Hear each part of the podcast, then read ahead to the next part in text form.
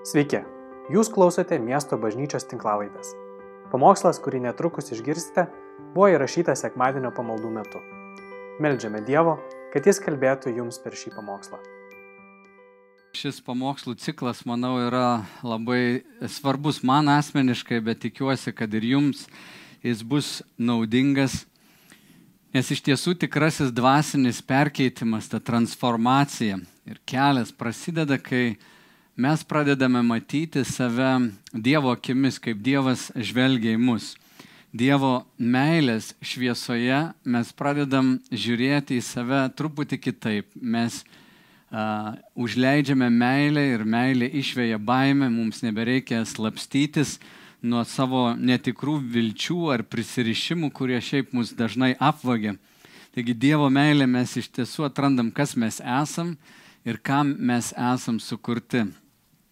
Aš perskaičiau keletą knygų šią temą ir paskutiniai gal šeši mėnesiai man tokie buvo irgi svarbus, mastant apie tai. Ir šioje, šiame cikle mes kalbėsim apie susitikimą su savimi, kalbėsime apie tai, kaip Dievo meilė mus keičia ir transformuoja, kokią vietą baime užima kartais mums judant link Dievo ir net žvelgiant į save, kaip ji mums trukdo.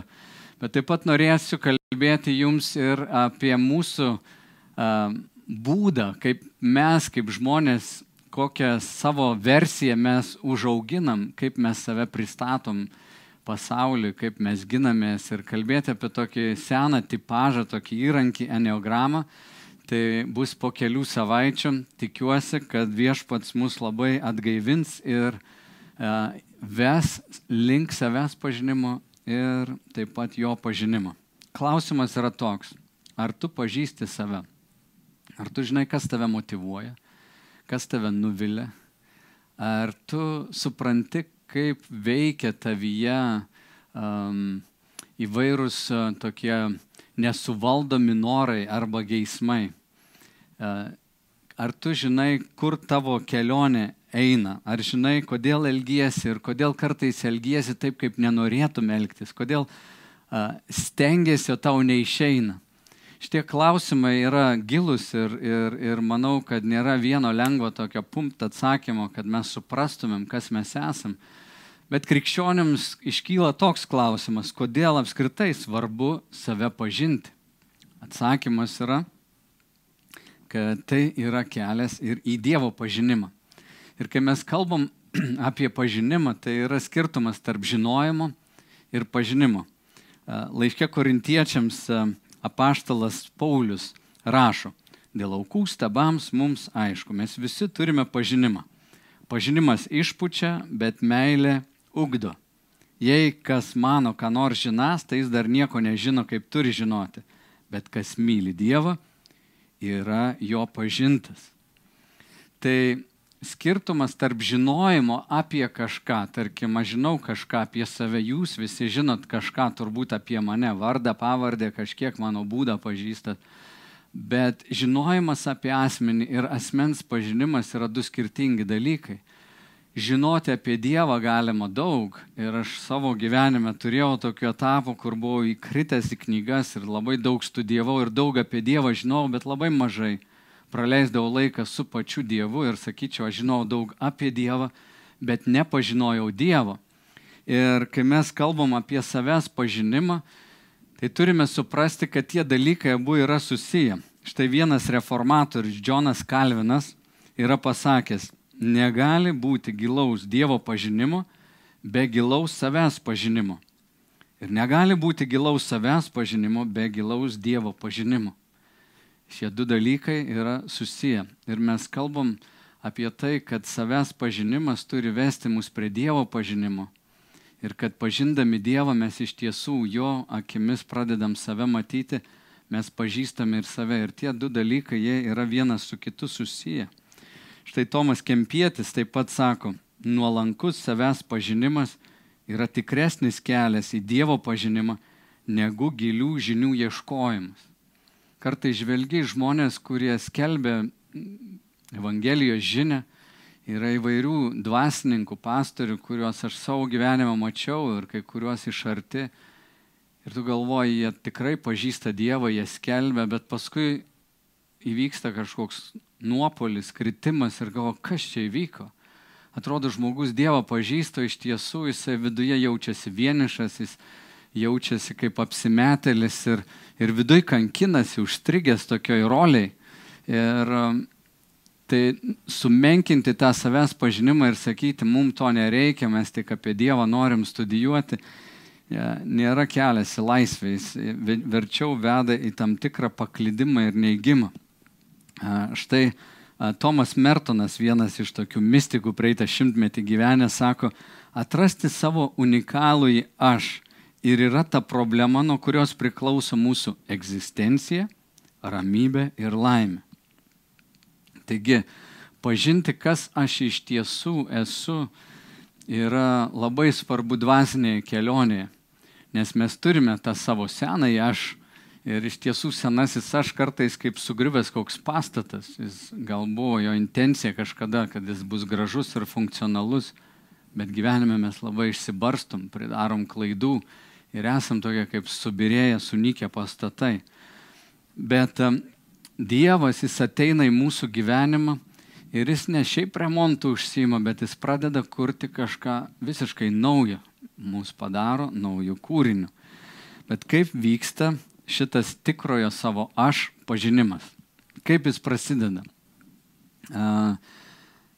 Pagrindinė mintis būtų tokia, kad tikrojo savęs, tikrojo to aš pažinimas yra susijęs su savęs to atradimu Dieve, o ne savęs sukūrimu.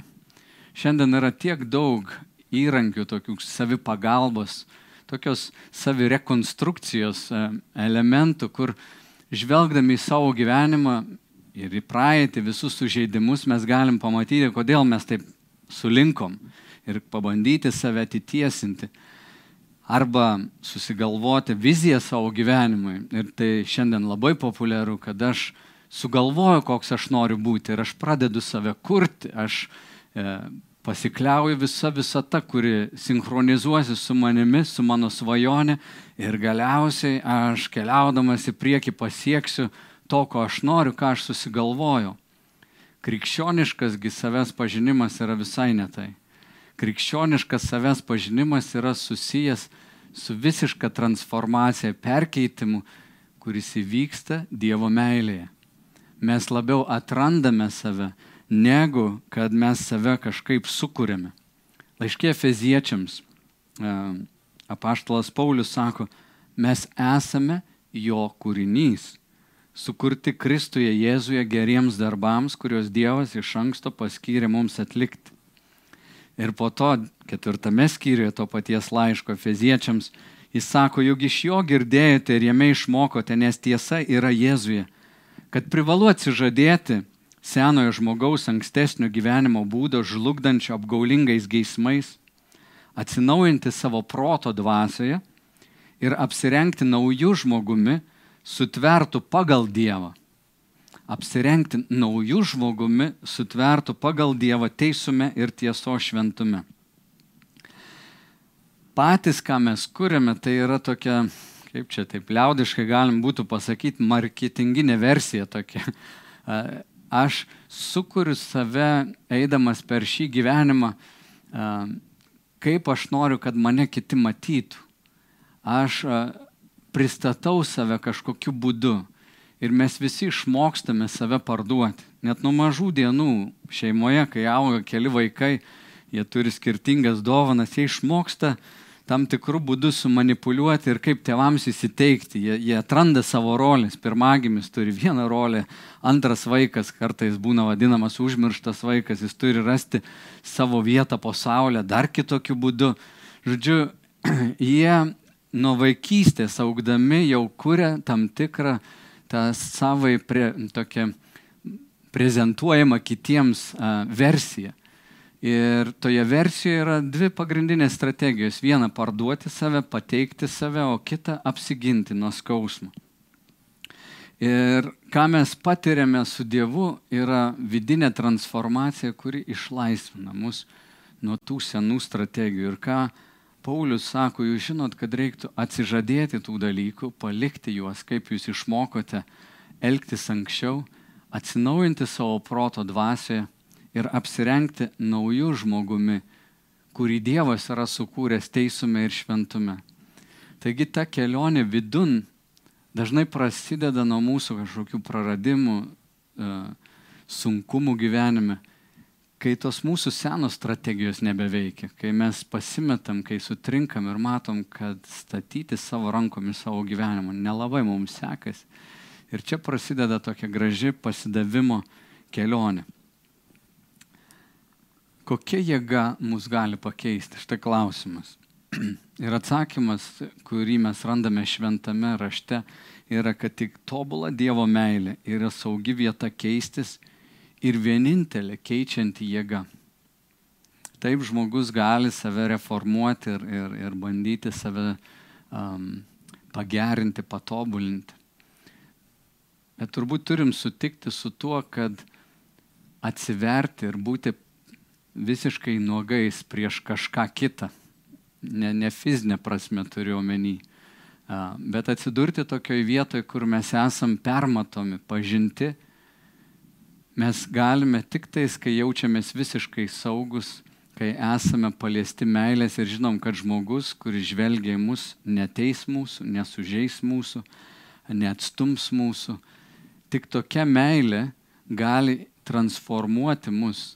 Tik Dievo toks žvilgsnis, kuris nesusijęs su mūsų elgesiu, jo meilė, kuri nesusijusi su mūsų elgesiu, žvelgia į mus, mes pradedam ir save kitaip matyti. Davidas Beneris, parašęs knygą Dovana būti savimi, jis sako, tikras savęs pažinimas prasideda nuo žiūrėjimo į Dievą ir stebėjimo, kaip Jis žiūri į mus. Kai mūsų savęs pažinimas yra įsišaknyjęs į tai, kaip Dievas mus pažįsta, mes įsišaknyjame tikrovėje ir įsišaknyjame Dieve. Nes mes gyvenimą matom ne tokį, koks jis yra. Mes gyvenimą matom tokį, kokie mes esame. O Dievas yra vienintelis, kuris mato tikrovę, kokia ji yra. Ir jis iš tiesų be jokio filtro gali ir mus matyti. Klausimas, kaip tu matai Dievą žvelgiant į tave? Kaip jis į tave žiūri? Piktai? Su nepasitenkinimu? Ar tu galvoji, kad tu patinki Dievui? Kaip tu jį matai, žiūrint į tave? Ar Dievas yra toks tolimas, visiškai nesidomintis tavimi, abejingas tau? Koks yra Dievo žvilgsnis į tave? Kaip jis tave mato? Geri klausimai. Norėčiau pailustruoti jums šitą žvilgsnio tokį e, principą, kai kažkas pažiūri mūsų meilę, kaip tai stipriai gali mus keisti. Norėčiau, kad jūs pažiūrėtumėte ištrauką iš e, serialo, kuris vadinasi Išrinktieji, e, visiškai neseniai sukurtas serialas. Pažiūrėkite į Mariją iš Magdalos. Visi ją vadina Lilė vardu, kuris susijęs su jos ta tapatybė, Ji yra mieste žinoma paleistuvė, ją naudojasi vyrai. Ir kas įvyksta, kai kitas asmuo prieėjęs pažvelgia į ją kitų žvilgsnių. Šitoje ištraukoje mes matom labai ryškų perkeitimą asmens. Taip, kad net Nikodemas žiūrėdamas ją nebet pažįsta, jį visiškai pasikeitusi, jį švenčia šabatą, jį, jį, jį švyti, jį, jį kitokią. Ir ji pati net nesupranta iki galo, kas, kas įvyko, bet čia yra gražusis Dievo stebuklas, kai jo meilė priartėja prie mūsų, į mūsų šildą, įleidžia mums nusimesti, nusirengti tą netikrai savo senąją aš ir iš tiesų savo pripažinti, kas mes esame. Nes Dievo meilė tau niekaip nėra susijusi su tavo elgesiu. Netokia tavo mano tikrovė. Mes žinom, kad šiame pasaulyje Visi mus vertina pagal elgesį. Padaryk kažką ne taip ir tu susilauksi labai stiprių reakcijų. Net padarydamas kažką gero kartai susilauksi baisių reakcijų. nes visi per savo filtrą pažiūrėsi tai, ką tu darai. Bet Dievo meilė netokia, jo meilė yra besąlygiška, yra neribota, yra nesustabdoma ir ji yra be galo dosni. Tokią meilę sunku mums atrasti kažkur kitur. Dievas yra meilė. Ir mes įpratę statyti savo tapatybę ant to, ką mes darome, kas mes tokie esam, kokia mūsų profesija ir ką kiti žmonės apie mus galvoja. Bet Dievo meilė kitokia.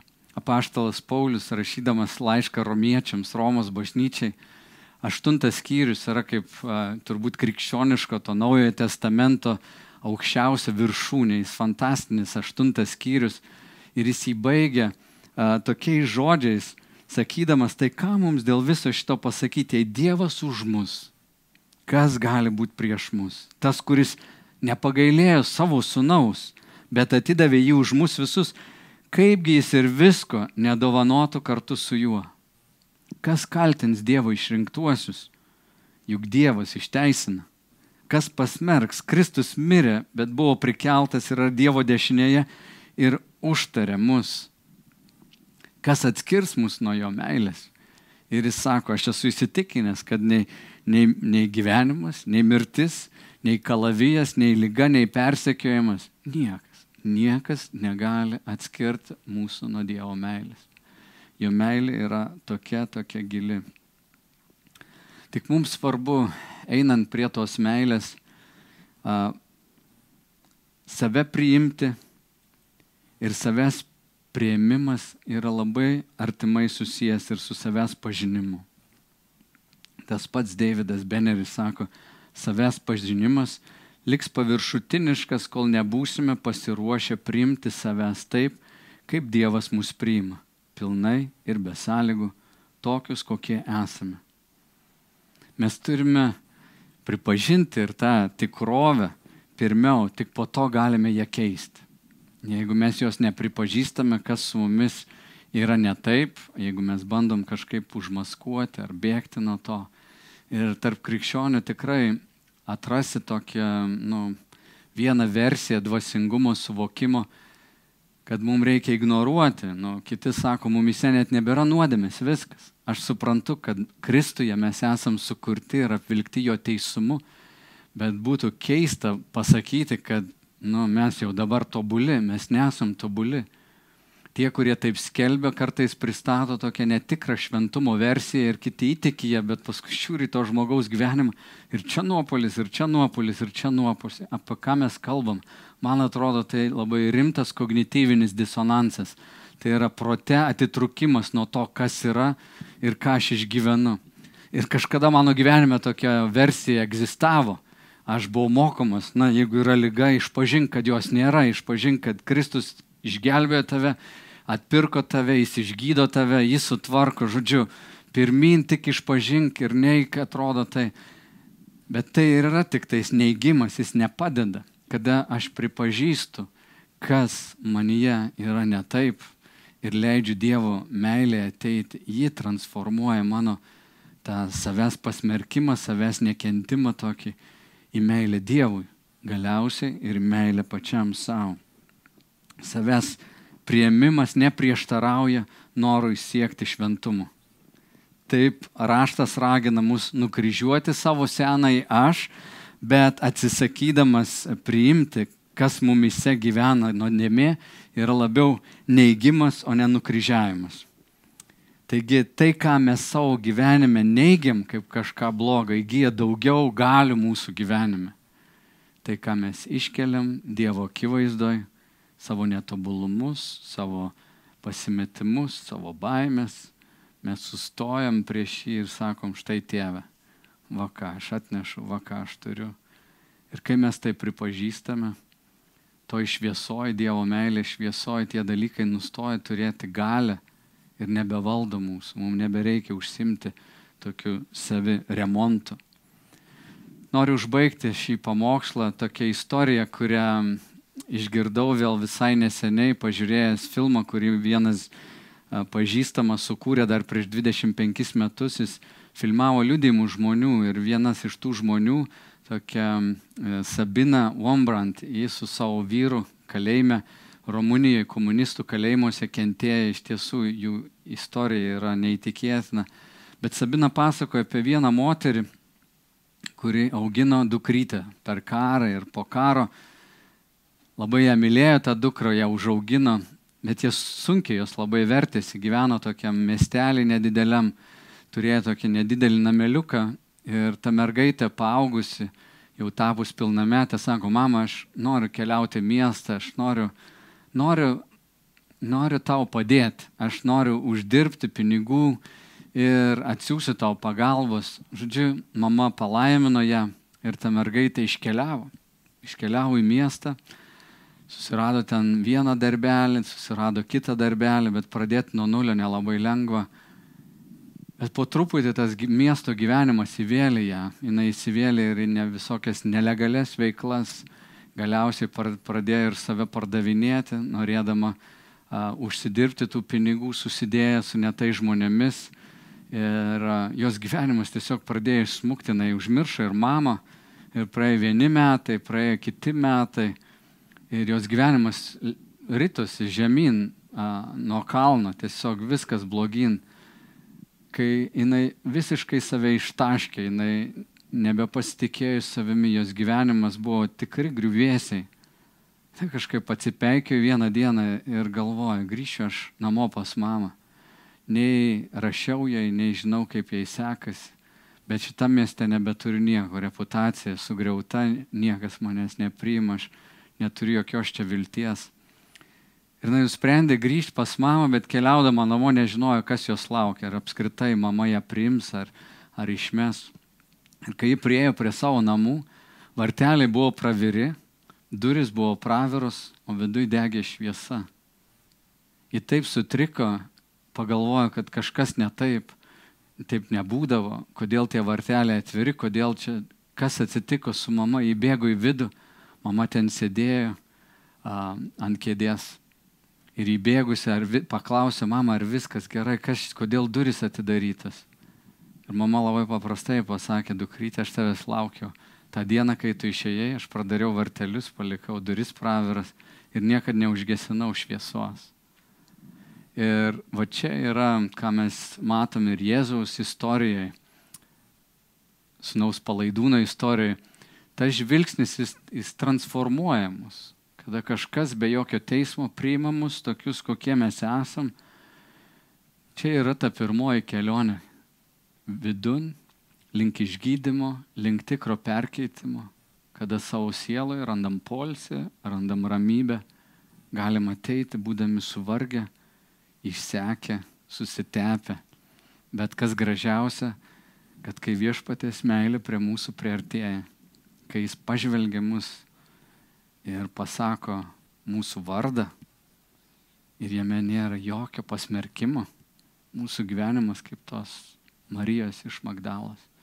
Jis, jis keičiasi, jis transformuojasi. Ir šitą vidinę kelionę, šitą naują gyvenimą ir kviečia mus jo dvasia. Um, klausimas tau pačiai pabaigai. Kaip Dievo meilės pažinimas formuoja tavo supratimą apie tavo tapatybę? Kur pastatyta tavo tapatybė?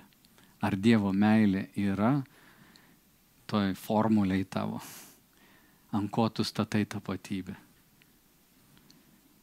Kokiais būdais tu išgyveni Dievo meilę. Ir dar vienas klausimas, kaip žinai, kad Dievas tave myli, net kai tu to nejauti.